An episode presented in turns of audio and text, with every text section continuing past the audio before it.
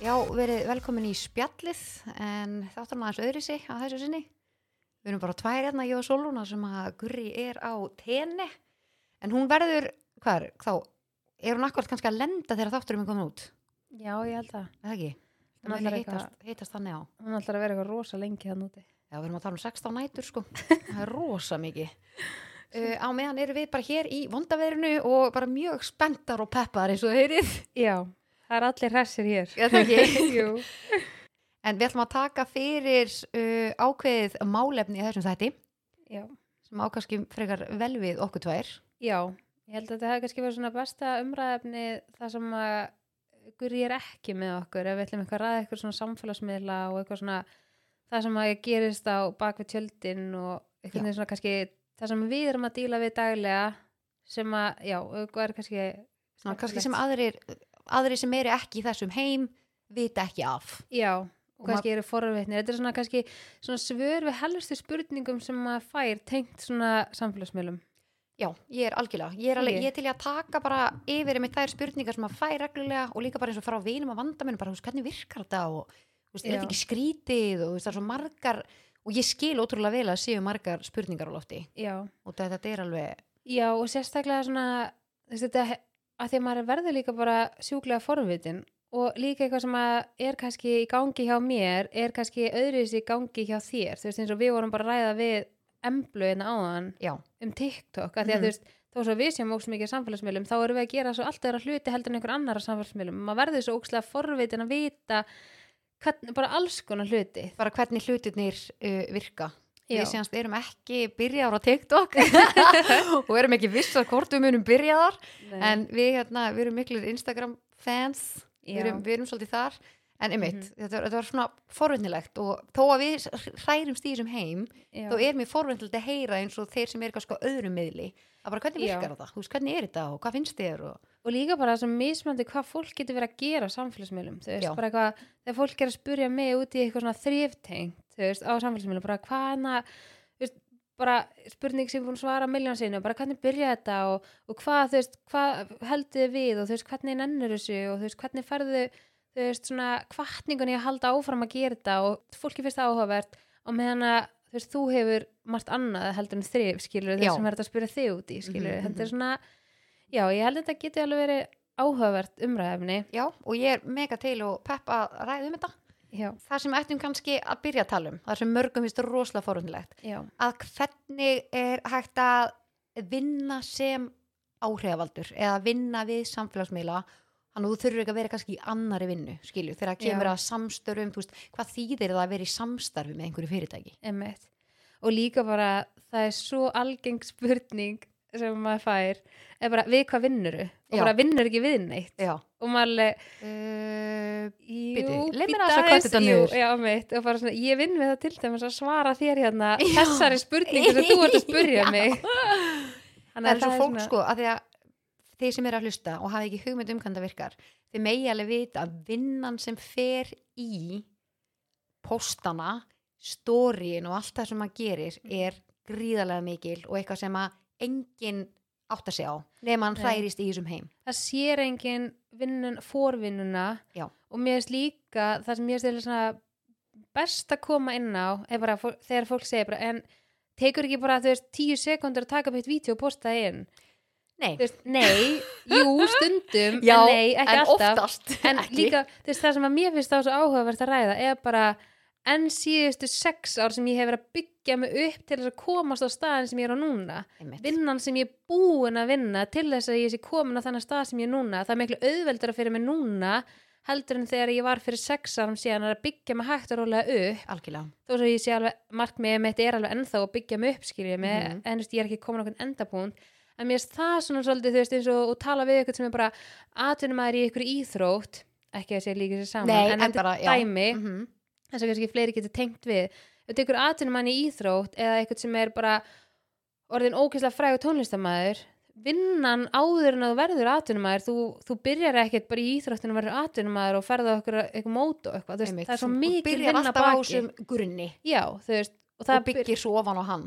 Algjörlega og líka bara ef við tökum þú veist, 2015-2016 sem dæmi hvað sem margir byrja á samfélagsmiðlum? Hvað, þú veist, það voru bara allir, Allir. og ammans á samfélagsmiðlum aha. 2015-16 Mhm. og það ætluðu bara allir að meika og það ætluðu allir, þetta var svo augslega auðvelt og bara, Mhm. ó, fara augslega mikið að fríu dóti og, og frýtt stöff og eitthvað og þú veist, hvar er bara 90% langar mig að segja mér langar ándjóks að segja svona Já. 90% hvar er 90% af þessu fólki akkurat að það er rosalega margir sem maður bara þekkir til líka þegar maður kynntist alveg mörgum á þessum tíma Mhm. að rosalega margir sem voru bara vá, þetta var ekki fyrir mig. Ég er ekki tilbúin til að vera þú veist, opinber, uh, mér finnst þetta ekki gaman uh, ég fekk leiða rosalega mikið vinna sem fyrir bak við þetta. Þannig, að- og maður skilur það alveg, þetta er alls ekki fyrir alla. En Nei, mér persónulega, þú veist, hend, þetta henda mér vel mér finnst þetta skemmtilegt, þá ættum að fá á Já. sjálfsögðu líka leiðastundum eins og bara með Algjörlega. allt.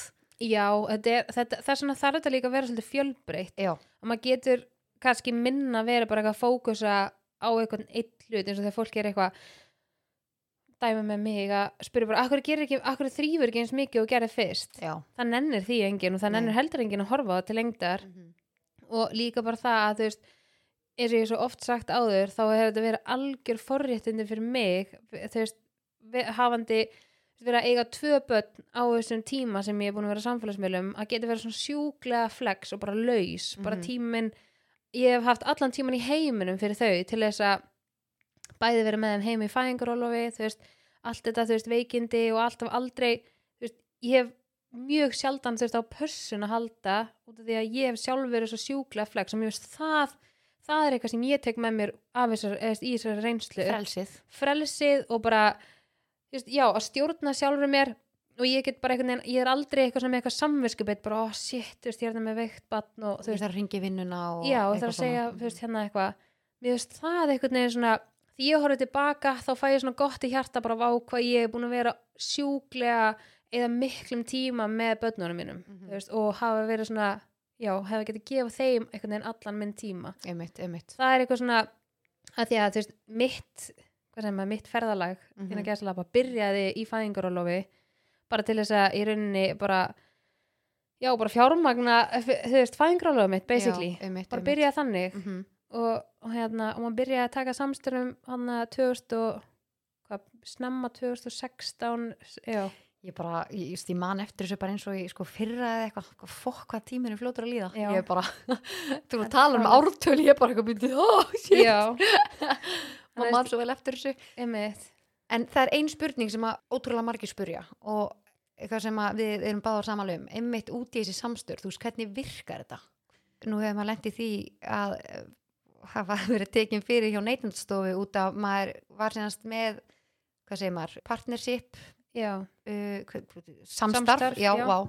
Æ, maður byrjar svo að hugsa mikið á ennsku að hérna, já, í ákveðnum samstörum og merti það ekki á sínum tíma. En Já. á sínum tíma þá voru engin, engar, en, engin lög eða engar reglur yfir það. Nei, en núna eru komnar alveg bara guidelines hvernig hlutin er að vera. Algjörlega. Þannig að þau fóru í eins og einhver svona þvílíkar svona áherslur á þetta. Hann að núna Já. veit maður bara nákvæmlega hvernig hlutin er að vera. Sem bara geggja því að meina, við varum bara partur af því að þróa nýja reglur, nýja Já. lög um þetta. Því að veist, það er líka alveg erfitt að fara að að seima eitthvað eða ásaka eitthvað um eitthvað sem að vissi bara ekki betur og það voru bara ekki til en að skýra línur fyrir okkur þá og fleiri sem voru í Mhm. þessu að þetta var bara nýtt, þetta var nýtt fyrir öllum Já. manneskjan hjá neytindastofu sem var að vinna þar hún vissi ekkert betur heldur en við og þá var svo 100%. auðvelt að droppa sig yfir á okkur Já. að við værum að svíkjast undir ykkur sem að var ekki komin einu að skýra línu með Einmitt. og líka bara þannig að fólk kannski vita að við alveg börðumst þvílegt fyrir því að hitta þetta fólk Mhm. til þess að reyna að finna ykkur lendingu þannig að allir eru sáttir einmitt, einmitt. en komum að lokum dyrum allstaðar Mhm. af því að þau höfðu bara engin svör Það það- þú fegst aldrei aldrei svör nákvæmlega hvernig þetta að vera Nei, en að núna veit maður það Já, núna, en líka þetta er alveg bara hægt, veist, því það er bara búið að þróa þetta bara lengra sem bara Mhm. geggja og maður tekur því þetta fagnandi að það hafi verið að vera, það var verið að reyna að setja ykkur að skýra línur. Algjörlega, það sem, sem að að- allir geta farið eftir. Já, að það er eitthvað sem að öllum langaði til, af því að maður var bara að Algjörlega. reyna að gera sitt besta eftir því Mhm. sem maður vissi þá. Einmitt, einmitt. þannig að það var líka alveg gaman, pínu gaman að hafa verið partur að því að riðja þessa samfélagsmiðla braut Já, að verið partur af þessu af þessari þróun. Af, og líka bara pínu að þegar maður fekk sendt bref heim, einhverja áminningar og hótanir um einhverja sektir að maður gætt svara tilbaka og sagt bara, heyrðu, þú veist, ég er búin að vera að gera þetta í þennan tíma. Þetta virkar ekki svona, þið myndi freka geta gert þetta svona, líka að reyna að koma með ykkur svona, veist, þetta voru ekki hvað segir maður, veist, þetta var ekki gaggrinni, það var að rýna til gags maður gætt svarað og sagt bara, heyrðu, hérna já, bara Mhm. þú veist mér langar líka að geta, veist, upplýst ykkur um hvernig það er að vera á hínum endanum af því að þú veist, það er svo auðvelt að geta sett á sig gaggrindaglirun og bara, heyrðu, hún er að gera þetta vittlaust en í staðin fyrir að vera bara hvernig getum við unni saman? Mhm. að það var það sem allir einhvern veginn vildu inn í end. Sem bara geggja að það sé búið. En núna veit maður bara nákvæmlega hvernig hlutin er eiga að vera og hvernig er eiga ekki að vera. En talandi um, þú veist, samstöru og hvernig virkar þetta? Mhm. fyrir mér allavega, hvernig ég upplýði þetta þá er einhvern veginn ekki eitthvað eitt svar nei, að þetta er rosalega flexible og það fer eftir fer eftir ímsu finnst mér veist, er þetta hashtag at, er þetta gjöf, er þetta spons er þetta, greitt umföllun já, veist, Mhm. þetta, er, þetta er svo mikið sem er hægt að nota og þegar maður þú veist, SP sem er skamstöðin fyrir spons, þá er Mhm. fólk bara að byrja hvað því það, Mhm. og veist, fólk er alveg að spá í því sem bara geggja, því Já. að maður vill alveg að fólk pæli í þessum hlutum að því að það á ekki að vera hægt eitthvað svíkjast undan því það er ofta sem fólk hugsa bara, já, fær allt frítt já, og sko, það er líka eitt hlutur að því að Úff, það er ekki neitt frítt það er fyrir neitt. ekkert frýtt ef eitthvað er frýtt Mhm. í þessum heimi þá er alltaf eitthvað bak við það. Ef þú færð eitthvað frýtt einhver staðar Einmitt. þá veistu að þú nei, það er ekkert frýtt í þessum heimi. Ég er bara að segja það. Að þú veist, ef að, ef að Lína myndi gefa mér fría buksur það er fæn, þá væri það ekki frítt fyrir hana því hún þurft að borga það út sem kostna hjá sér að hafa látið mig fá buksun eða skilji, og ég er þá vinna mér inn fyrir því að sína eitthvað í staði já, þannig að þetta er ekki alveg frítt frítt þó að fólk hugsi bara, það er ekkert mál að taka eina mynd og setja í stóri og fá það frítt í staðin þetta er meira kannski ekki win-win heldur work-work. Já, þetta er Þetta bara er einhvern veginn- skipti veist, á vinnu, þú Já. búin að vinna að gera buksunar mm -hmm. ég er búin að vinna að koma einhverjum, fylg, einhverjum fylgjendahóp Mhm. og þannig erum við svolítið að skipta. Mhm. en, en það er samt ekki hægt að segja sér frítt þó sem ég skilji alveg pælinguna að fólki finnist þetta að vera frítt. Já, að það er líka kannski að þegar fólk skilur ekki og veit ekki hvernig þetta er. Nei, svona á, já, þetta hefur alveg svona stundum svona, mér hefur fundist þetta ég vil ekki að segja pirrandi en ég, svona, ég skil hvaðan það kemur en maður er svona, stundum langar manni svona að geta sagt svona, þið vitið ekki en vinnuna sem ég legg á vinnan sem hefur farið í eitthvað sem að fólki finnst ég að vera frítt. Einmitt, það er alveg, það getur verið pyrrandi og mér er líka alveg svona pínu, ég finna ég er svona, það er langt síðan, ég hef svona ég hef búin að vera löng fríi og ég er pínu svona við, ég sé úr þetta að koma þetta er vel rosa vel fyrir hérna. Já. ég er spæðið með þess að fá hérna úlpunum mína sem er eins og sæng henni með svolítið kallt hérna. En sko, og, þú veist, ef við tökum fyrir þessi samstur sem er, sem er hægt, eins og við tölum um kannski uh, eitthvað sem er sponsað. Já, þar getur við verið með uh, fyrirtæki uh, sem að kannski sponsar þig Já. af bæði vörum uh, og svo kannski færði eitthvað ákveði greitt fyrir Já. það. Mm og það getur verið þannig að bara eina svart að gera er bara að vera í vörun að þú sjáist í henni. -hmm. uh, svo getur við verið í samstarfi þar sem þú fær bara uh, greita ákveðnu upphæð á mánuði og þú skilar ákveðnu miklu á móti. Já, til dæmis bara ef ég segjum bara ef ég myndi kannski hafa samband við þig kakvart mínu fyrirtæki og ég bara hei Solon, uh, nennar að koma í samstarf með fyrirtækinu mínu og mér langar að auglýst þessar æfingabuxur og þá getur þú sagt bara já ég tek þetta mikið verð fyrir eina umfyllun og kannski tvær byrtingar já, sem eru það kannski tvær myndir eða ég byrtist tviðsessunum í, Í vörunni vörunni, já. Já. en umfyllun er þá það sem þú ert að segja frá vörunni hvað hún gerir, hvað eiginleika hún býr yfir Mhm. eða hvernig sem það er sem er svona ákveðin kynning á vörunni já, kynning og, og svo er þú veist beint inn á hvar var hann fæst og þú veist linkur inn á ákveðna síðu eða búð eða eitthvað svoleiðis já, og það er heldur svona var svolítið algengast að þetta hafi verið svolítið þannig að þú veist, þú varst að kynna ykkur að vöru en núna er alveg orðið meira líka bara svona byrtingar eins og að kallast, þú veist, að þú semur við fyrirtæki og færð þá annarkvort vöruna í staðinn fyrir byrtingar eða þú færð borga fyrir að varan byrtist en þó, þegar að varan byrtist þá þarftu samt að taka fram að um samstarf sé að ræða. Já, þú getur ekki bara posta myndinni og Nei. ekki skrifa neitt þú veist, ég get ekki posta mynda mér með eitthvað drikk í hendinni bara eitthvað svona, ó þetta var svo óvart já, og ekki skrifa neitt, Nei. þá er ég að svíkjast undan í Já, rauninni, einmitt, þannig þarf ég að, að annarkort að taka fyrirtækið eða veist, merkja paid partnership Eða eða skjöf eða samstarf, já. hvernig sem það er. En mannstu þess að þegar við vorum á Snapchat þá náttúrulega voru ekki komnan einu svona reglur á sínum tíma, þú veist eins og við vorum að tala um aðan að þá mitt var öll samstæð var ekkert mert. Já, það var svona mikið svona chaos einhvern veginn. Já en núna, já, núna finnst mér alveg meira svona ég veit ekki, í tísku innan gæslappa að vera að vera í samstarfi Já, veist, að veist, svona fólk er orðið meira stolt af því. Þetta var svona dulið fyrst, fólk sem vildi ekki viðurkenna að væri, í samstarfi. Já, Mhm. en núna er þetta eins og þetta sé meira svona, ekki viðurkent heldur bara svona, þegar þú segir þetta, þá Mhm. finn ég bara eins og með samstörfin og við erum báðar sammála þessu að þegar ég hugsa um mín samstörf þú veist, ég, ég passa mig rosalega mikið með hverjum ég vinn og þú Já. gerir það líka. Og það er einhvern veginn bara skín svo mikið í gegn ef þú verður að selja einhvern skít og þú selur bara skít einu sinni. Eða fattur hvað ég meina. Já, þú veist, fólk kaupi skítin og það bara, oi, hvað hvað er hann að segja frá þessu? eða sína frá þessu skilju, þú selur það bara einu sinni. En máli er að, og þá bara missir þú trúveruleika þannig að þú vilt vera í samstörum þar sem að þú svolítið svona byrjar að mynda hvernig segir maður þetta? eitthvað svona tengst, Tengst, já, þannig að fólk kannski hugsar um eitthvað vörumerki, það er bara svona, já, Solrún er alltaf með þetta, Mhm. já, hörru, Lína er alltaf með þetta. Og þú vilt helst vera líka kannski í svona langtíma samstörum já, það er svona, ég, mér finnst það þægilegt hjá mér að það sem ég er kannski í samstarfi með fyrirtækin sem ég vil basically leggja nafni mitt undir.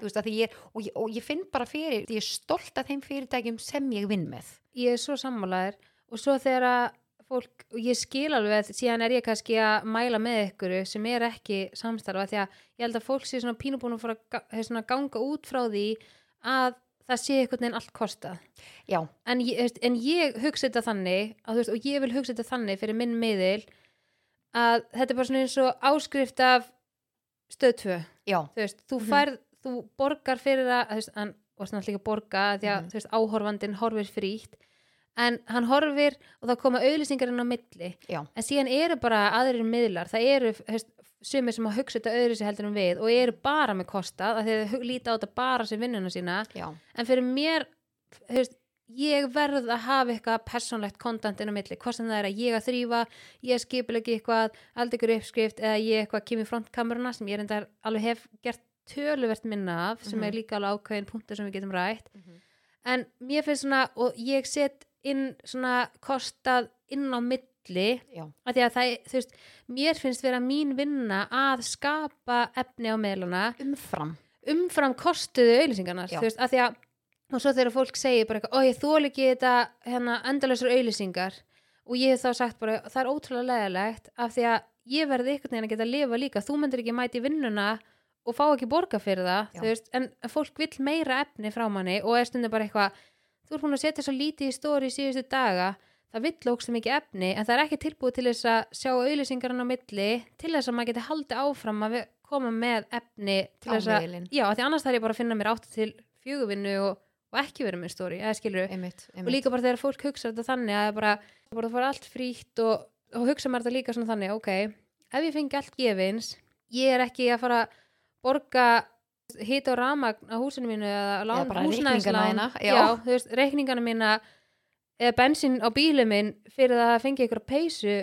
veist, í gjöf, Nei, einmitt, einmitt. Veist, maður verður líka að hugsa þetta þannig að það þurfa allir bara einhvern veginn að komast á og lifa Mhm. og þá verður maður líka svolítið að svona einhvern veginn sína því skilning að fólk er þá að reyna að komast af einhvern veginn með því að þú veist og, og svona mín laust fyrir minn miðil er að taka eitthvað kosta inn á milli.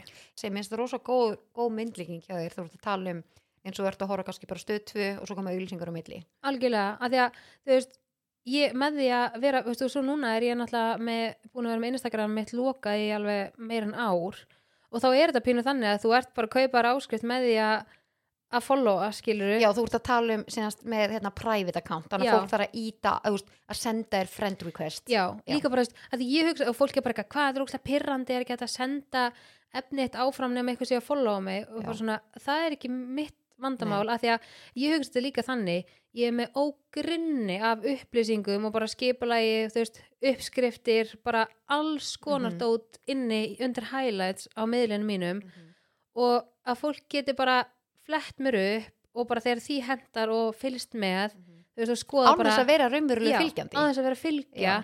það gerir ekki neitt fyrir mig því að þú veist, það eru allir bara að reyna að, að komast af í þessum heimi. En ef ég er með lokað þá þarf að fylgja, það kostaði ekki neitt en þú þarf að fylgja til þess að fá aðganga að efninu mínu. Já, mér finnst þetta nefnilega, mér finnst þetta einmitt þess að við rættum í, ég man ekki hvort það hafi verið síðasta þætti eða þar síðasta, ég man ekki að þegar vorum að tala um, einmitt að því ég tók þau til fyrirmyndar þarna sko, en ég gerði minn Já. líka private, að mér finnst þetta einmitt þarna líka stjórnar svolítið, þú veist, í staðin fyrir að sé bara einhver margir feika kántar kannski að Adda er, þannig að þú ert í svo mikill stjórn að geta ráðið, þú veist, hver færa færi í gegn og hver ekki en mann alltaf hleypir flesti minnskilu nema þetta sé eitthvað svona, Nema þú þú sér sjáir- bara að þetta já. sé einhver fake account. Og þetta er líka rosalega mikið af svona asískum akkantum sem eru Já. með þau svona asíska stafi þú veist já, og eru kannski bara með, þú veist að followa kannski bara eitthvað 5.000 manns. Ógisla marga Og eru bara kannski bara með- 20 followers já, sjálfur, þú veist, þannig að maður getur svona pínu sikta úr og líka bara það, þú veist ef ég tala fyrir sjálfa mig, þú veist, þá er alveg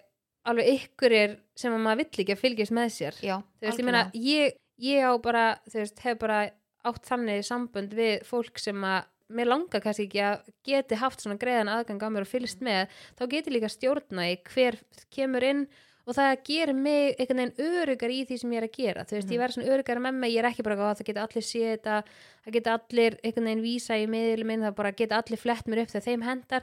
Maður fær svona pínu svona meiri svona mér líður eins og ég sé fá aðeins meiri virðingu að fólk þurfa að fylgjast með til þess að geta skoða efni mitt. Algjör, mér finnst þetta líka smá svona að þegar maður lítur svona á Instagramet sem svona family já, og þeir líður eins og þau séu meira svona oh, love you. Já Skilur, veist, tætt þetta er, já, þetta er svona tæt að þú veist líka róslega margir sem á samband þú gefur tíma að svara fólki og svona og, einhvern veginn, og vita úr með lokaðan account þannig að fólk Mhm. þurfa að senda þér friend request. Mér finnst það svona, þú ert svona bæta auka aðilum inn í Já. fjölskylduna eða fattur mann ég meina, er líður einhvern veginn betur já, ég er ógislega sammála þessu. Þetta er eitthvað svona, eitthvað svona öryggist tilfinning og Já. pínum kannski að því að maður er búin að vera svo rosalega aðgengulegur langan tíma en þarna hefur eitthvað stjórn. Já, að þú, þú hefur svona- enga stjórn annars. Nei, og svo er alveg punktur sem að ég hef alveg fengið þegar ég var að tala um að ég hafi lokað Instagraminu mínu Mhm. og þá var fólk bara, en þú veist, þá áttu miklu erfið með að stækka og þú veist, það er ekki eins margi sem að sjá efnið þú veist, í ég er ósammála þessu explore, já, en, svona, en, en bara þannig að það sé líka kannski sagt að markmiðið mitt er ekkert eitthvað að fá ókslega marga fylgjendur Nei. þú veist, það er alls ekki og hefur aldrei verið markmiðið mitt að vera ekki að fylgjast með ég bara á hversu margir unfollowa mig og með því að gera private account lokaðan, þá sérðu þá sérðu ekkert Nei.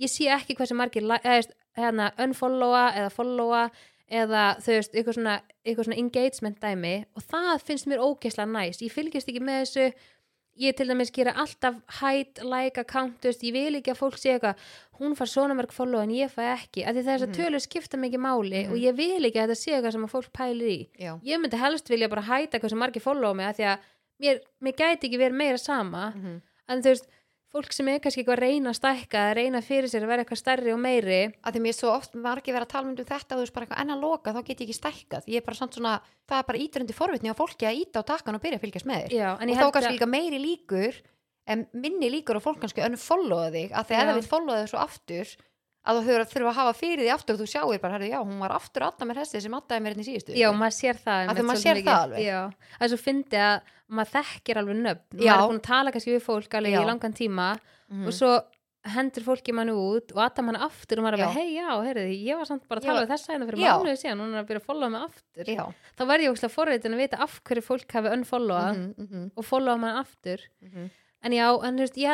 að bara svolítið marga típur af fólki á samfélagsmiðlum sumir vilja bara koma með content og vera kannski, er ekki eins personleir og er kannski bara með markmið að stækka ókslega mikið og verða stórir en mitt er einhvern veginn bara að þú veist ef fólk hefur gaman að fylgjast með þá er ég bara sátt að því að Já. ég er bara að gera þetta fyrir mig og mér finnst þetta skemmtilegt sem ég er að gera allt sem ég set inn, ég hugsa alltaf hvað ég vilja sjá Já. og þess efni sem kemur frá mér er eitthvað sem ég myndi vilja sjá hjá öðrum Mhm. og eitthvað svona í bland og kannski meira persónlegt Já, ég er nefnilega, ég, sko, að, að, að þú varst að segja á hann með hérna tölunar og það á Instagram, að fyrir þá sem eru að hlusta að þá getur þú valið að vera bara með personal account eða vera með business account, þannig að ef þú ert með business account, þar getur þú séð síðanst allar tölur, þar getur þú séð insights, þú veist, uh, hversu margir er að fylgja þér bara upp á tölu, uh, þú gast alltaf séð þarna sér, hversu margir voru að sér, það er alltaf búið að loka fyrir það, en þú getur séð, þú veist, hversu margir er búin að fara inn á prófælin, uh, hversu margir Leita eru búin að, þér. já, hversu margir eru búin að leita hversu ma- margir eru búin að sjá myndina hérna með að við Mhm. eru búin að fá mörg like Já. og þú getur séð allar þessar tölur en ef þú gerir uh, accountiðin semast private eins og við sjálfum erum að þá getur ekki séð þessar tölur að þá ferði bara í venjulegan Account. persónlegan account og þetta, ég veit ekki ég, veist, fyrst, já, fyrst gerði ég þetta út af því að það trublaði með að sjá sérin en þú veist, Já. það er búið að loka því núna og ef ég var með persónlegan, þá Mhm. sá ég ekki þessi sér já, og svo bara eitthvað tók ég bara eftir hvað mér leið betur með miðlum minn Já. Þetta er ógst skrítið og veist eins og bara á Snapchat þá lokaði ég fyrir skilabóð og þá var aldrei hægt að senda mér skilabóð þar Nú er það? já og ég var alltaf með Ah. loka fyrir skilabóðin út af því að ég fekk svo ógeðslega mikið af alls konar þú veist, og það var bara þannig þú veist, fólk Those eitthvað were the days já, fólk bara var undir, þú veist, þurfti ekki að vera með er? Ég er svona, ég hugsaði um daginn bara djúlar til að poppa inn, bara hvað segir liðið mér? Shit. Ok, en það ég er þess- sakni getur bara svona nostalgí að tala um þetta skilur já, veist, af því að þarna byrjaði maður Já, mann þykir væntu en þarna skilur, þarna ertu ekki með eitt prófæl, það veit Nei. enginn hver þú er Nei, og þarna getur bara uh, litla kísa atta þér og þú Já. veist ekkert hvað litla kísa er sko. Nei, þannig að ég lokaði fyrir skilabóðin en ég var með like síðu á Facebook Já. þannig að ég let fólk senda mér skilabóð þar ah, ef það vildi fólk eitthvað. hafa fyrir hlutunum. Já, Fíla það það. var svolítið þannig. So it's a brainer. Þannig að núna get ég stjórnað þessu svona þessi og ég loka líka oft fyrir skilabóðin Já, þannig að fólk get ekki sendt mér, þú veist, kommenta á stóriðið mitt, þú veist, ef ég er mjög þreytt og mér langar ekki að rosa mikið privacy, þú veist, eins og með jól og nýja og svo svona, já. En langar Það að posta einhver efni en ekki að fá kannski reaction? Já, Já. þannig að það er ákveðið frí en Já, að það gæsa lappa sniðut að Ég loka. ætla, ég, ætla, ég ætla að taka þetta til mín Já, gerð það. Ég ætla, það er margt sem ég ætla að taka þarna til mín um, Sko, og varðandi líka annað þegar kemur af samfélagsmiðlum Það sem fylgir því að vera áhrifavaldur eða opinber manneski eða hvernig sem það er uh, þá náttúrulega að vera með opinmiðil að það er rosalega auðvelt fyrir uh, fjölmiðla og aðra að pikka upp efnið þitt Ah, það já. getur alveg verið sko málið, maður pælir ofta ekkert í því maður fylgist ekki með því að ég, hversu margir er að skrifa um eitthvað eða segja eitthvað eða hvernig sem það er. Þú veist, maður er ekkert eitthvað ég er ekkert eitthvað að googla þetta skilur Nei, líka bara þegar, þegar ég skoða fréttameðil já, eða ykkur skoða fréttameðil þá kannski pælur ekki í því hvaðan þessi frétt kom. nei, Það er kannski svolítið máli líka. einmitt, einmitt og svo líka bara svo oft eitthvað, varstu búin að sjá hana fréttin sem var skrifað um þig, bara nei, hafa hvað er að tala um Já. og þá var eitthvað búið að pikka eitthvað upp sem þú varst að tala um og bara svona byrju, ha, hvað er frétt þetta? því Já, Bara- bara, svona... Þú veist, ha, Og manni sjálfum langar að kommenta undir, er þetta frétt? Nei, já, ég veit, nei, veistu, í alvörinni Þú Þig veist ekki hversu oft mér langar að gera veistu hvað ég já. Býtu, er þetta já. frétt? Eða segja, býttu, hver er nú þetta? Já, það var fokking Ángríns, gott Ég verð að gera það næst. Oh my god, nennuru ah, ég vil bara langa að gera þetta svo ógeðslega lengi og er alltaf bara eitthvað Komið til nafni Já. bara, ógeðslega gott þú veist, það sem að fólk leifir sér að segja, en ég reyndar ána með sko þróununa núna að flestir fréttamiðlar eru búin að loka fyrir kommentin undir fréttunum en núna getur eiginlega bara sko ef þú færir inn á, veist, vísi Mhm. og þetta fara inn á vísi á Facebook og sjá hvar þau postuðu greininu sinni þar, þar kommentar fólk Já, það er eiginlega búið að loka fyrir þau sem að var bara undir öllum helstu já, já. kommenta þar Það var alltaf einhver. Bara allt ljótt og þú veist, ég held að bara við höfum svolítið séð það bara sem samfélag þetta Já. var bara ekki í fyrir neitt, hvorki fyrir þann sem skrifaði þetta eða nýja Mhm. þann sem var skrifað um og Já. hvað þá fyrir þá sem að komu ekki nálægt þessu og lásu bara endalust neikvætt. Já, einmitt, umulögt og sko. þetta er svo, þetta var svo þreytt þannig að ég er mjög ána með þessa þróun. Já, næs, ég Já. var ekki búin að Já, ég vissi þetta ekki. En ég finnst sko eins og með þetta að vera á samfélagsmiðli Þetta hljómar alltaf gett asnalega þegar maður segir þetta. En Mm. þegar þú ert svona opinber þú ert, það, þú, þú, þú ert það opin að þú býður upp á að það er hægt að skrifa basically allan anskotan um þig. Verið tekinn fyrir að vera tekin fyrir, já, já eins og við orðum þetta alltaf, að vera tekin fyrir. Að það getur alveg tekið ákveðin toll. Þetta er eitthvað sem við, kom, við erum ekki að kjósa að vilja láta skrifa um Nei, okkur. þetta er það sem að fylgir því Já. og það til dæmis hendar ekki öllum. Alls ekki. Og það er eitthvað sem ég myndi bara helst vilja hafa sleft bara alltaf að vera tekinn fyrir að því að ég vil stjórna í sem að ég set út frá mér ég vil ekki einhver annar taki eitthvað sem að ég var að tala um og kannski setja- fýrar það upp eða Já. tekur það úr samhengi Já. og maður er bara að þetta er ekki það sem ég var að tala um Einmitt. og þá veginn lítur þetta bara svona eiginlega ill út fyrir mann sem gerir það verkum að maður hættir að reyna að vera persónulegu Já, af því að maður hræðist þetta Mhm. að vera tekinn einhvern veginn fyrir og bara svona vera miskilin já, að því að þú veist, ég skil alveg þegar að fólki kannski að gera eitthvað eða afrika eitthvað og það vill koma að þú veist, að sé gerð frétt um það Mhm. og þú veist, þú kemur fram í ykkur viðtali og viðtali er já, rétt sett fram Mhm. mér finnst það, þetta er bara ekki að sambaralegt Nei. en þú veist, því miður hefur bara verið rosa mikil gúrkutíð síðustu ár og það er bara verið allt verið pikkað upp og líka klikk. fyrirsæknar alltaf bara eitthvað svona rosa leiðilegar og líka bara, já þannig að kannski fólk skilji líka Já. að því meira sem að fólk klikkar á þessar fréttir sem eru settar fáralega fram og tekið úr samingi því meira fær fréttamiðlinn borgað fyrir auðlýsingakostna Já. þannig að þetta er að Hæ- hækkar í auðvita virði. undir það að þessar fréttir séu gerðar og þær fá meiri pening. Og þið fá ekki neitt út úr þessu. Og hvað þá við? Síðan Þetta er umulegt já, maður er bara, jæja, herðu njótið þess að þúsund kalla sem Já. þið fengu fyrir þetta klikkana Reið. brjálaðar. ekki það að maður er einhvern veginn alveg búin að ná að hætta Já, pæli þessu, já, já, Já, en já. bara, mér finnst bara fyrst við erum að taka þetta, ég er ekki, ég er líka ekki heima með bara, oh my god, Nei. alls ekki, sko, mér en þið langar heldur ekki að googla þig Nei, nei, nei, bara, þú veist, Og ég er ekki mikið í því, sko, en Nei. ég er bara, bara gott að taka kannski þetta fram, að þetta fylgir því. já, þetta er alveg mjög stór partur af því. Já. og stór partur af margir hafa hægt Já, það er bara meikið ekki. Já, og, ég, og vákæði skilða. Já, og minna, þú veist, ég, ég oft tekið fram, veist, ég er kannski ekki síðan bara að fara að sækja börnum mín í lókdags og ég er bara eitthvað skammast mín að því að einhver fréttamiðl tók eitthvað samingi sem ég sett í stóri deginum áður og ég er bara eitthvað, mér líður bara kjánalega að fólk haldi að ég hafi sett eitthvað svona vittlust fram, Já, og veistu hvernig mér leið,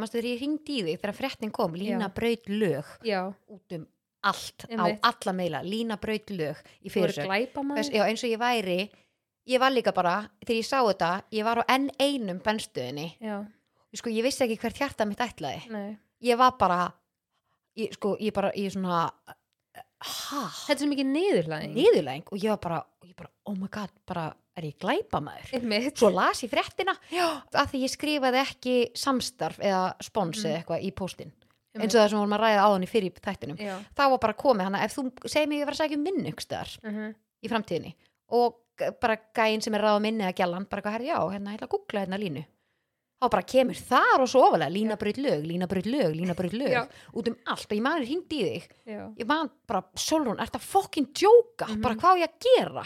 Þetta er ömulegt, Já. þetta er ömulegt og þetta er eitthvað sem, og fólk lesa oft bara fyrirsagnar þess vegna eru þær gerðar svona rosalega klikkbeit legar ég man bara, ég var líka þarna og svo fór ég með eitthvað í búðina og okkar veslaskilur deginum eftir og ég var bara ég er náttúrulega drullu með þetta, Já. eitthvað að pæla í þessu skilu Nei, en, fyrir mig og mitt þú veist, bara hver ég er sem persónleiki þá var ég bara, oh my god, þú veist, fólk lítur kannski bara á mig sem glæpamann, Já. þetta var ekki einn glæpur sko, Nei, og svo á maður einhvern veginn að geta komið tilbaka og ætlar að delivera meira efni og Já. maður bara, maður, maður einhvern veginn er bara, maður veit ekki hvernig maður á að haga sér að því að maður er bara hefur ekki lent í þessu þessu maður á algjörlega ekki að lenda í einhverju svona, svona, og ég kem að innskilu eftir að þetta koma inn og ég bara, ég ætla bara að fá að adressa eitt og segja bara fólki frá þessu skilu Mhm. það er alltaf eina sem þú getur gert án að byrja ég mæti ekkit upp aftur bara, já, hvað segir Nei. og þú veist, ég þurfti bara að adressa þetta. Já, og hérna og ég talaði um þetta og ég bara hvað vola þarf að blása hlutina mikið upp Mhm. og eitthvað hérna skilur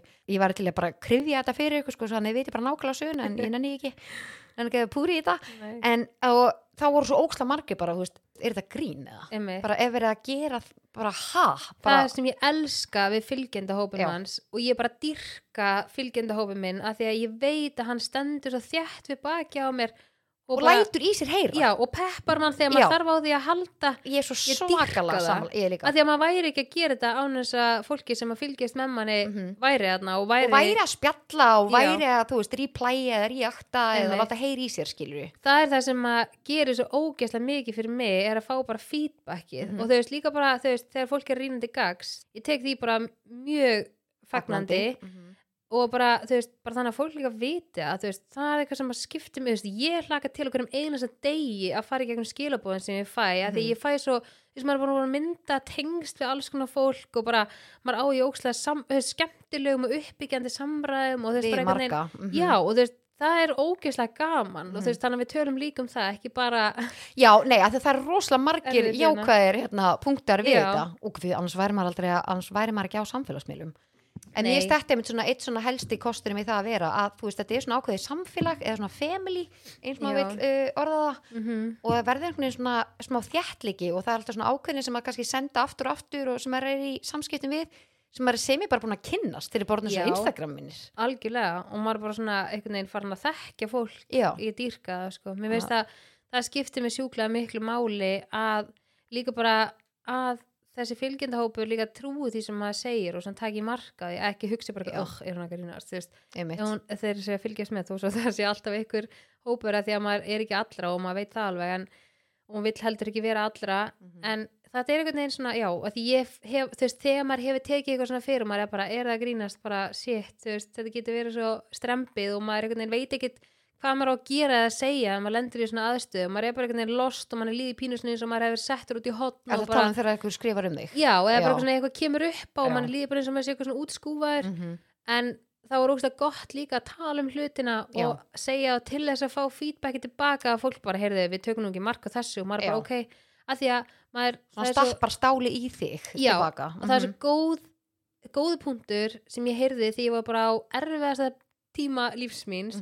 það er sem þegar á maður sem að fjölmjöla maður sem sagði við mig bara þú ert ekki nafli alheimsins. Já. bara þú veist, manni finnst eins og maður sem nafli alheimsins og séu bara allir að tala um þetta og þá við bara í fleiri aðstæðum heldur en bara á samfélagsmiðlum, bara á vinnustæði eitthvað kemur upp, bara í fjölskyldu veist, fólk, eh, sérstaklega í grunnskóla oft Já, þegar það kemur er upp engin að eitthvað pæla svona í hlutunum jafn mikið og þú. Já, og maður, er, maður er sinn vesti óvinnur þegar það kemur að því.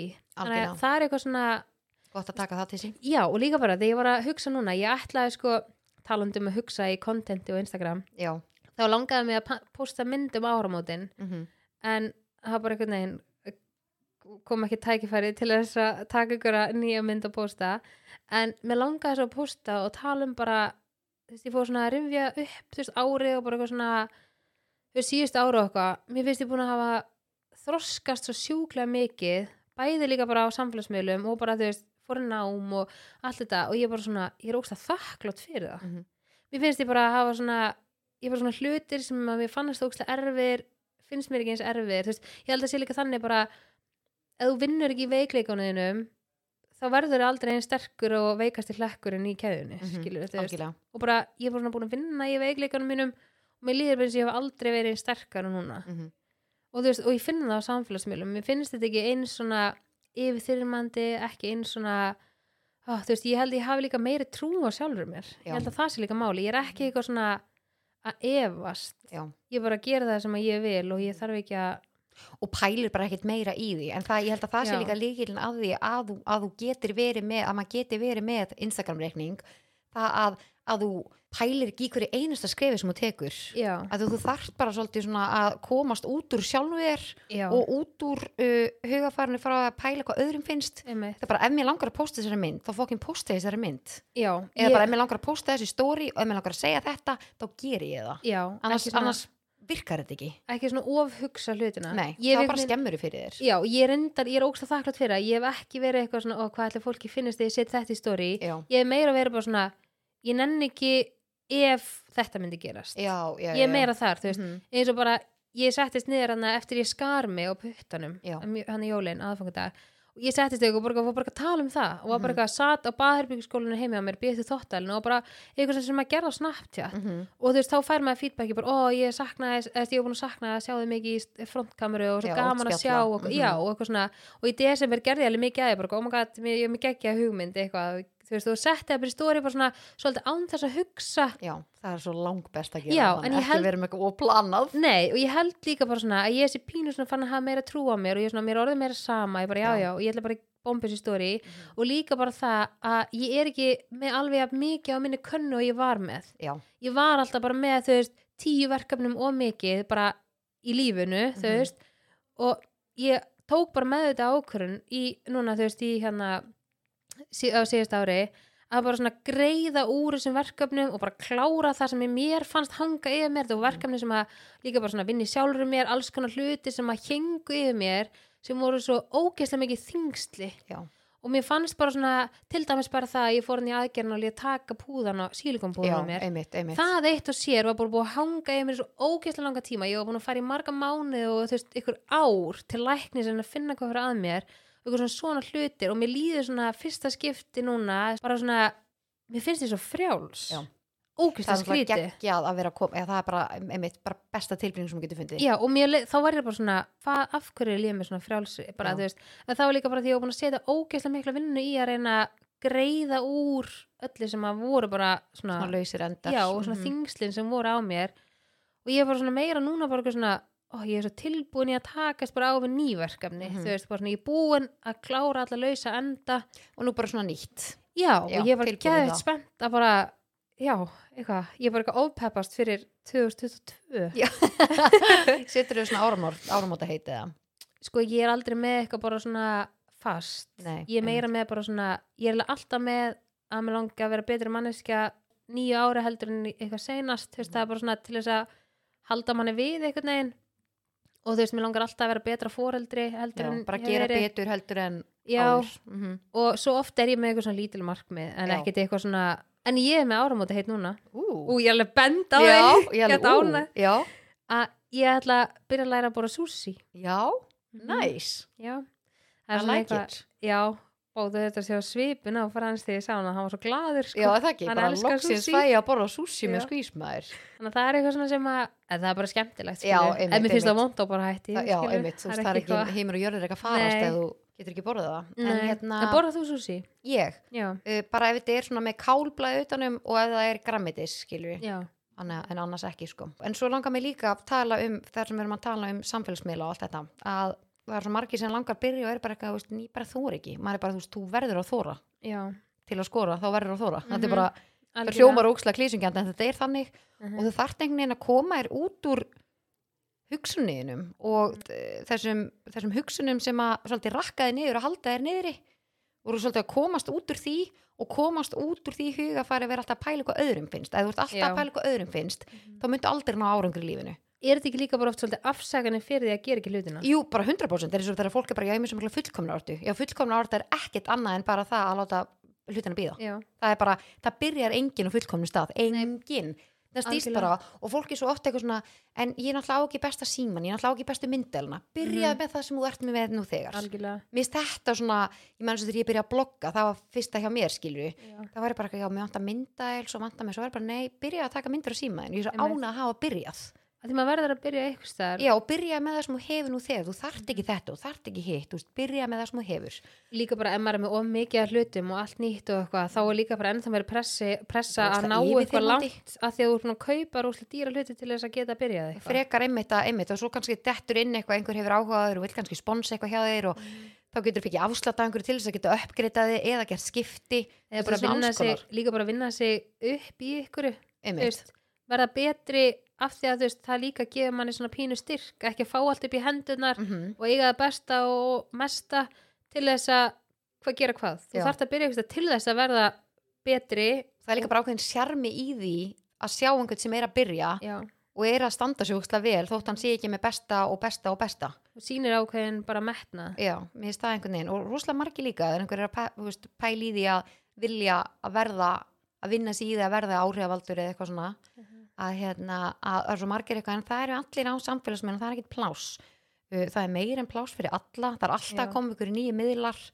uh, og það er og, og það hljómar úslega klísingant sem ég er að fara að segja. Þú veist, það er engin nákvæmlega eins og þú og það er engin nákvæmlega eins og ég. Einmitt. þú veist, eins og okkar miðlar gæti ykkur ólíkari en Einmitt. samt ná við ókslega vel saman ef það er hvað ég meina þú veist, ég með mína fylgjendur, þú með þína fylgjendur og ákveðin bróst að þínum er líka að fylgja mér Mhm. og öfugt, þannig að maður er svona veist, það, það power sem þú hefur er að það er engin eins og þú. Og líka bara þó svo eitthvað myndi ætla að fara að gera sama og þú þá er Já, en það aldrei sama útkoman. Það, það gerir það engin eins.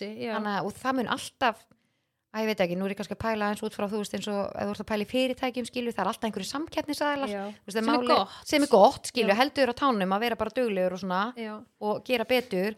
En sko eins og með svona samfélagsmiðla þú veist eins og með áhrifald svona, ég hef aldrei lítið á það sem einhver svona samkeppni, ég er bara svona bara fólk ræði hverjum það fylgist með. Mhm. það er bara, það geta allir fylgst með öllum. Líka bara segja með að þú færð hugmynd að þú sérði eitthvað gera eitthvað bara, ó ég var til að gera þetta að byrja á því með það í huga að þú endar alltaf á einhverjum öðrum stað. Algjörlega, þú færð eitthvað hugmynd og svo bara þróast hún áfram og verður aldrei svo sama og þú ætlaðir í upphafi eða þú veist aldrei 100% svo sama. Mhm. þannig að mér það líka svona ákveðin punktur. Ég ég byrja á einhverjum stað og þú einhverjum og við erum hvorugur á akkurat þeim stað í dag þar sem bara- við byrjuðum. bara allt öðrum stað er svona þróast alltaf bara með tímanum. Þannig að þú veist, og líka bara svona sammála. skemmtileg tækifærin sem maður hefur fengið með því að byggja sig upp. Já, það er búin að leynast svo mörg tækifæri hér og þar sem að bara svona þú veist, ef einhver hefði sagt mig það fyrir einhver ákveðinu árum bara já þú munt fara að gera þetta og þetta. Ég er bara eitthvað, nei það. Já, bara þú veist, þegar maður lítið tilbaka það er bara svona, ákveð ég er ána með staðin sem ég er komin á að hafa já. að hafa byrjað. Nákvæmlega. Ég meina, þú veist, ég byrja að mömmublogga um eitthvað föndur og þú veist, ég síðan bara eitthvað núna, þú veist, sex án setna búin að gefa út fjóra bækur. já, Þú veist, Hver er grunna að ég Þú þú, veist, hefur aldrei, ef einhver skilur. hefði sagt bara herði já, Solon, þú munt gefa út hérna, þú verður bara djúðlur Já, bara þú ert að tala um einhvern annan en mig. já, einmitt, nei, ándjóks Þú veist, bara eitthvað, fjóra bækur og bara eitthvað svona, já, hérna, það var alls ekki, það sem ég planaði upp af Nei, skilur ég held að sé næs, þú veist, ef fólk er að hugsa eitthvað bara að kýla á þetta að byrja og, og, og leiðu þér að vera byrjandi. Mér finnst það svona ógslega krúsjál skilur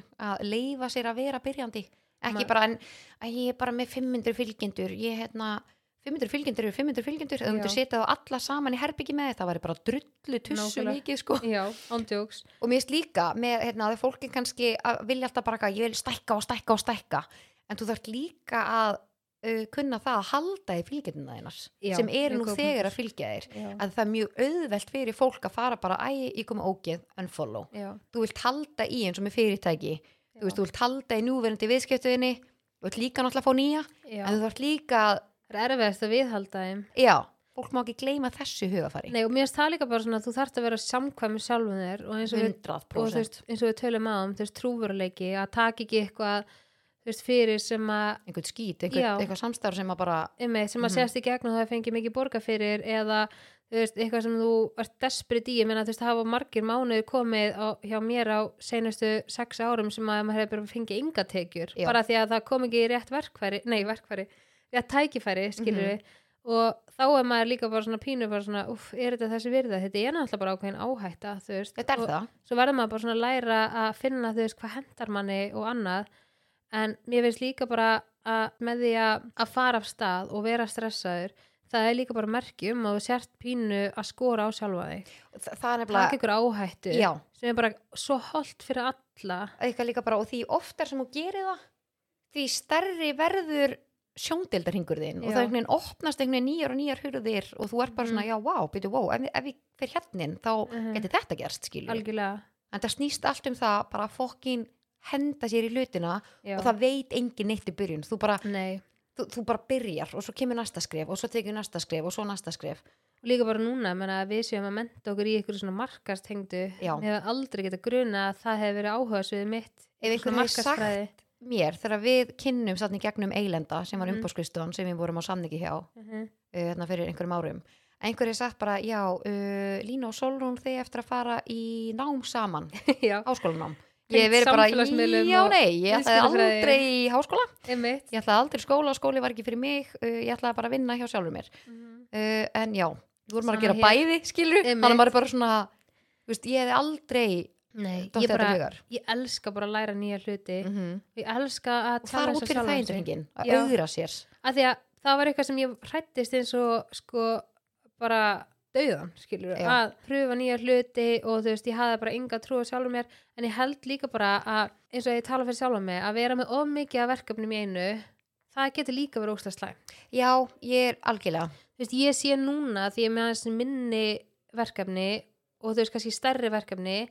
þá sé ég miklu meira bara svona já, ok, þú veist, ég get gert allt sem ég vil, Já. skilur, þú veist. Ég meni, ég segja við börnum mínum hverjum einasta kvöldi að þau geta allt sem það ætla sér og þú veist, þau bara ekki láta neitt stoppa sig en akkur segir maður það ekki við sjálfan sig já, maður þarf að vera ógeðslega duglegu við þetta. Já, en það er líka bara massa vinna og menna, það er líka ótrúlega mikið vinna að koma sér á þennan stað og að þú veist, þóra að bara halda áfram en ekki bara eitthvað svona pínu settla í því sem mann finnst kannski þægilegt já, eða þá að gefa sko upp bara, æ, það hvort er enginn að fylgjast með mér Mhm. eða eitthvað svona, þú veist að það eru margir sem er að vinna sig upp Já, maður fær oft svona spurningar með eitthvað En- ég er já. ekkert að vaksa, bara haltu áfram þú veist, líka bara Prófa að að spá í að í fylgjendunum Já. það, þú veist, leiður fann að spá í því hversu margir fylgjast með þér, hvernig þú getur stækka og hvað þú getur gert, Mhm.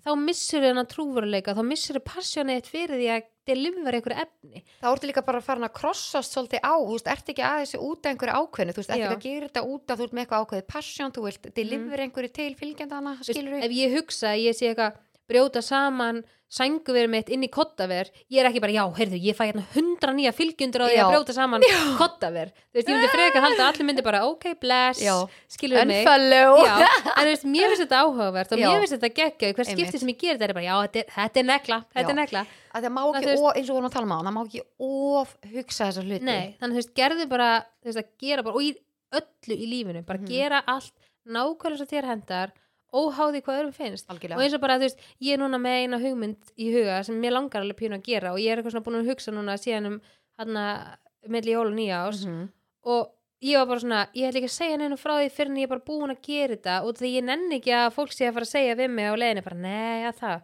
Þetta eitthvað, eh, heldur þetta minn eitthvað virka? Heldur að já, heldur þetta gerist skilur, Mhm, mhm. æ, að það. Veist, og það dregur svo úr manni. Þannig að þú veist, ef þú ert með eitthvað í maðunum sem ert búin að ganga með lengi og langar að gera gerðu það, ekki segja henni frá því bara gerðu það og síndu það bara. mhm, leður þú ert búin að gera það, þá er enginn að fara að segja eitthvað æ, heldur þetta virki, þú ert Já. komið með eitthvað að stað. Einmitt, bara nákvæmlega sama eins og þú veist ég byrjaði á þessum mömmubloggi svo færðu við okkur yfir að Snapchat og ég man ég sagði þetta við vinkonum mínar eitthvað svona minn nánasta hóp ég alveg já eitthvað stelpunum á mömmublogginu langar eitthvað að fara inn á Snapchat og eitthvað svona skiptast á einu sinni viku. Og það eru allir bara oh my god nei Solrún já, já, bara já, ekki veist og þetta voru ógeðst að asnalegt og mér fannst þetta var líka bara þarna var eitthvað svona nýtt og maður svona veit ekki alveg bara, er maður að fara í þetta skilur, en sem En betur fyrr einmitt, þess- svo var ég alveg svona jú, veist, og þá er svo erfitt að vera eitthvað þegar eitthvað búin að segja við mann sína veist, sínar hugsanir, þá er svo erfitt að ætla að fara gera eitthvað, þú veist, og Já. hversu margar hugmyndir heldur að deyja að fólk er eitthvað að segja frá, fólki öðrum frá því og fólk fær ekki nógu mikla kvartningu, Mhm. skilur það sem að ég tek ef ég, þú veist, nú er vitni, vitni mig þegar ég fæ að heyra þetta,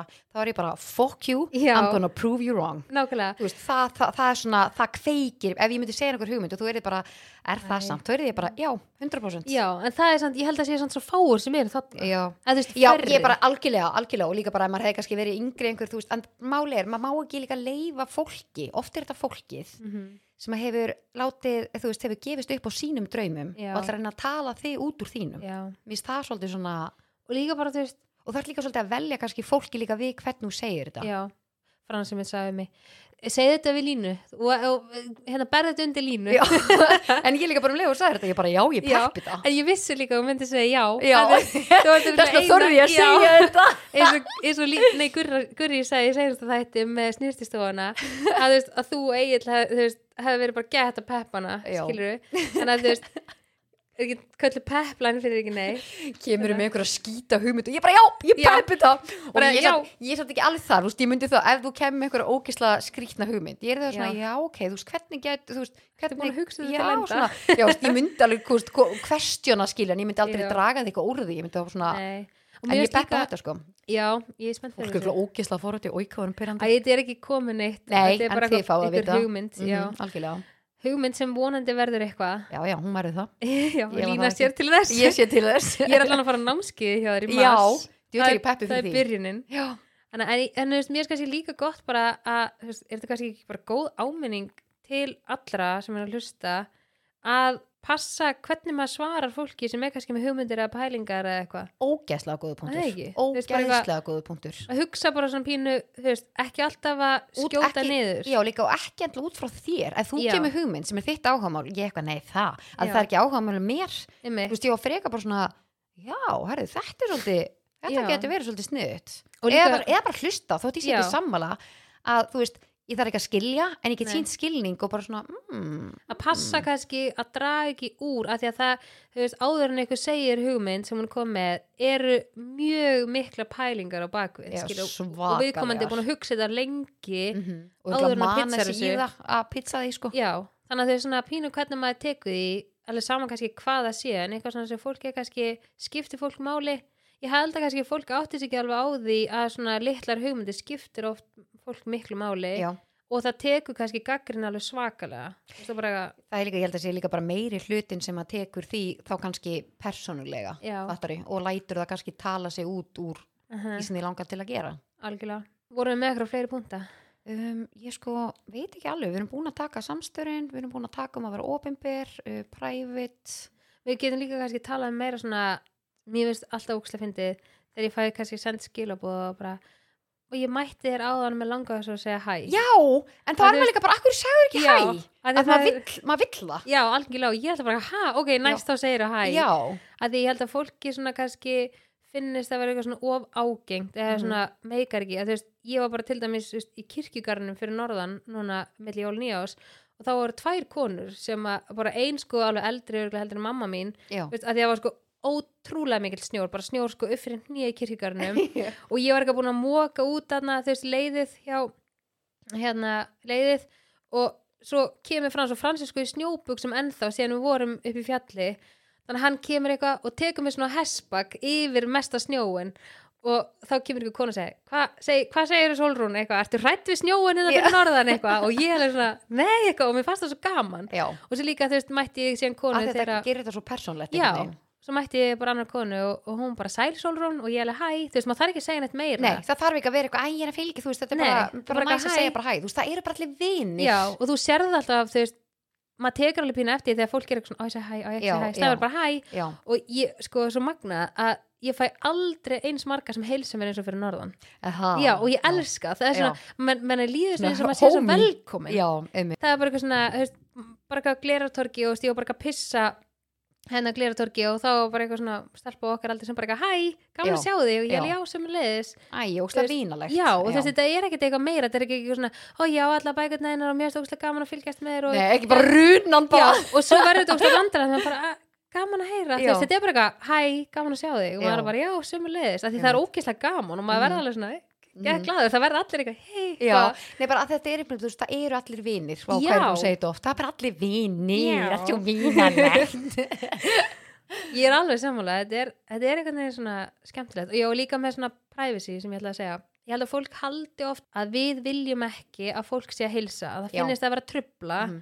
Ég er ósamal því Já, er, ég- já. upplifið það ekki Mhm. en síðan finnst mér ókslega fyndi og ég, sko, ég er búin að segja þetta svo oft, bara svona í með gríni komdu með það.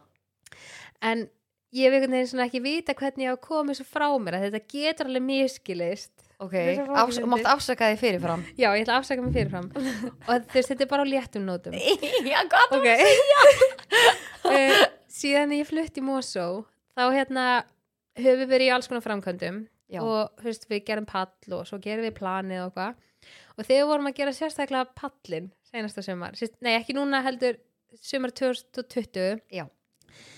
Þá hérna var ég bara eitthvað ofta að sína frá þessu eitthvað hvert er hún komin og eitthvað. Og greiði frans var alltaf úti öllum stundum á pallinum og það var bara umferð að keira oh framhjá my god, að fylgjast bilast. með já, að bara sjá bara pallin já, bara fylgjast með og bara fannst þetta bara gett forhanda og fólk bara koma bara með ísin bara, bara inn götuna skilur í bílnum og bara oh my En- god, og- hvað þetta já, og ég ætlaði sko einu sem að setja svona timelapse skilur, við erum að tala um þú veist þetta voru kannski 15 bílar á kvöldi skilur, þú veist, þetta var alveg margir það var ekki eitthvað einn og einn eitthvað. Og maður sér alveg, fólk hægir á sér. Þú sérð alveg að Já. það vera, já. Beint fyrir utan og maður bara horfir beint inn í bílinn og fólk er bara, þú veist, já, stoppa bara fyrir utan. Új, svo hvað keiri fyndið. það og það fattar ekki alveg að það, það er sko ég bý sko í botlanga já, já. ég bý sko í endagötu og botlanga þannig að þú þarf að snúa við í planinu hjá mér já, þetta er bara mjög við óþægilegt þetta er ógesla vandræðilegt og fólk fattar þetta ekki þegar keiri inn götuna. Það keiri inn ógesla hægt skoðar og ætlaði sem að keiri burtu. Nei, nei, Nei, þú ert að fastur. það er svo fokki fyndið. Og við erum búin að hlæja svo mikið að þessu. Og gæin við hliðina á okkur er eini sem er ennþá með möl í planinu eftir að við steiftum já, og ég sagði Fransi daginn, ég bara greið hann við hliðina á okkur, ég hef bara að fara að sópa möluna svo margir búin að koma og snúa við og svona skransa svona, allir mölin út og bara bombi burtu. Oh þetta er ógeðslega God. fyndi og já, ég ætlaði sko einu sem að setja svona timelapse djúið um að- verða að fokka mér bara, já, já, hérna er umferðin Já. að skoða pallin og Frans var bara, nei, þú gerir það ekki. Nei, eitthvað, þetta er eitthvað, þetta er ógeðslega asnalegt að segja frá ég bara, Frans, þetta er ógeðslega þetta fyndi er ógæðslega að Já. finna að ég sé actually fólk fyrir mér já, að gera já, þetta. já, bara í smá bíltúrum Já, maður alveg maður- gera það sjálfur maður já, algjörlega, væri, já, bara þú algjörlega sko. og þegar við ætlum að steipa planið og ætlum að e, setja í lýsingu okkur núna í, í haust þá hérna sagði mér svo konan við okkur bara já, mæli ég alveg með því að taka bara hring og skoða bara þú veist bílaplönin við hliðina og já, bara fylgjast með og já, sjá. bara keira götur og skoða bara þá sjáu þau svona, já ég var til þetta og þú veist til þetta, en þú veist, að þetta eru bara svo margir á sama tíma þá er þetta svo áberandi Já, og er svona, bara og það kemur engin nei, og þess máli er að það svo fyndi við þessu götu það kemur engin aðna nema þú sért að fara í eitthvað hús Já, einmitt. Þetta er svo hefur- það mikið bara botlangi í botgötu en svo núna þegar við steiftum planið þá tókum við sko meðvita ákvörðun sem er svo fyndi eftir þetta palladæma því að við alltaf að gera pallin í mánuð eitthvað, Aha. þetta var bara umferðagata við tókum meðvita ákvörðun núna um að veist, ég tók bara upp allt efni. Setti það bara allt inn á sama tíma þannig að það var bara Já. eitt Já. langt story með Já. öllu Mhm. þannig að þú veist, við þurftum ekki að vera aðna fyrir utan skilju ykkur skítagalla í brjálu rigningu já, með fólk að keira Já, eitthvað fólk að keira Nei, framhjá hvernig gengur bara með huppu bræðarefin bara í rúðunni skilur maður er bara hæ hæ oh my God. hvað vil ég vita hérna ég er hérna með furu í pallinu með mér þú veist, ég það er svo sé þetta svo fyrir mér þú bara inn í kraftgalanum já, Þannig að ég var alveg bara svona, ok, nú ger ég þetta aðeins öðru sig en pældu samt í því að það þetta sé eitthvað sem að ég sé að pæli skilur, Já. af því annars er ég bara með umferð fyrir utan heimi á mér þetta er svo, þetta er svo mikið kast, við erum búin að hlæja svo mikið að þessu. Új, Já, Ég er ánum með að hafa komið með þetta. Já, þetta er mjög fyndið. fyndið. En þú veist, þetta er ekki eitthvað sem ég er eitthvað að pyrra skilur. Nei, þetta er bara, þetta fyndið. þetta er ógeðslega Eins og þú fyndið, sagði, skilur. þú veist, maður myndi alveg sjálfur gera þetta. Þú veist, maður væri kannski að fara að byggja palli eitthvað plan, skilju, alltaf lægi að skoða Og ég skil alveg forvitnina Já, þú veist, ég, þú veist, ég skil Þú það ekki, það er enginn að tala niður til neitt. Nei, þetta er bara ógæslega fyndið. Taka bí- bíltúrin að það er svolítið erfitt að snúa við. Já, þið vitið á því. Þannig að það er bara svona pínu, ah. Pínu forvörn. En, En eigum við að henda okkur í bara turn off núna til þess að loka þessum þætti. Já, hvað með það? Á ég að byrja? Gera. Ok, mitt turn off er Ok. Þegar fólk skólar ekki af leirtöginu áður en það setur upp á döluna Að það? Ég geti þetta ekki. Ég er bara, ég horfa fólk bara Hvernig getur þú sett bara skítuðan diskin í þóttöluna Nei, upp á döluna Að því að upp þetta vel þrýfu diskin Já, en þú veist, come on, skólaðu af honum er, Oh Ert þú ekki þar? Nei, ég gera ekki. Ég, annars, annars get ég bara vaska hann upp. Nei, come on, nú aðeins mér er vinna sem fyrir það. Ég, bara, ég skil ekki að setja bara að að oft kemur þá kannski svona vond lykt bara í uppátavélina Já, en fólk kannski, þú veist, þrýfur hana þá. En allt og margir gera það bara ekki. Já, en ég reyndar. bara, eins og mínu heimili þá er ég bara býtu, býtu, það var Nei. eftir að skóla hérna diskinn. Krakkandi sé bara, það shit, hvað hún er geðug sko. en já, þetta er turn off ég, fyndi. oh my god, ég, þetta kemur óvart með þig Já, ég, er ég held þú myndir, ég er ekki að tala þú ert með eitthvað, ég er ekki með bara skrúbbin og sápuna, ég bara skóla af skilu eða sósa eða eitthvað svona á honum skilu og svo setji í, þannig að basically er allt fórreind á hana fyrir vélina heima. Það er svo stúpid. Nei, er það ekki bara gott fyrir vélina og já, það ekki? Það er sko Það mjög er vá skipta frábært, ég er einu þetta, ég er verið mjög forrönd eitthvað gurri myndi segja við þessu. Já, ég Ég Ég var alveg upp þannig að það þurfti að skóla á hann og setti vélina, já, sko.